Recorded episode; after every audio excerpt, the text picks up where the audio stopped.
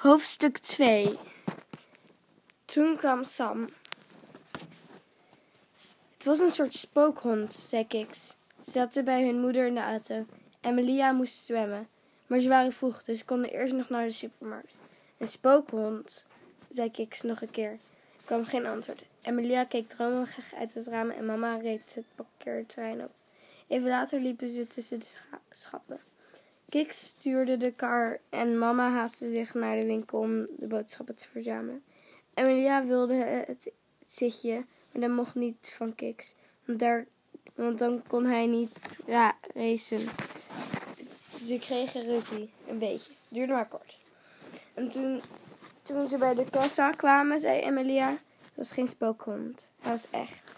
Dat weet je niet, zei Kiks. Dat weet je nooit. Misschien kwam hij uit een spookwereld met spookdieren.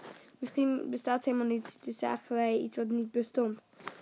En die spookwereld is wit, net zoals de hond. De maan is wit en de bomen en de gebouwen. En er zijn geen geluiden. Je hoort alleen maar geheig. Of gegil. Ja, je hoort gegil.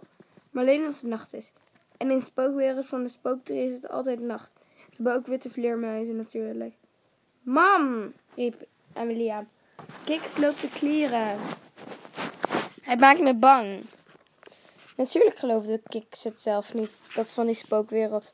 En in het zwembad dacht hij al lang weer aan andere dingen. Terwijl hij op Emilia's les wachtte, mocht Kiks iets uit de spelletjesmachine trekken. Het was een hijskraantje van plastic die je zelf in elkaar moest zetten.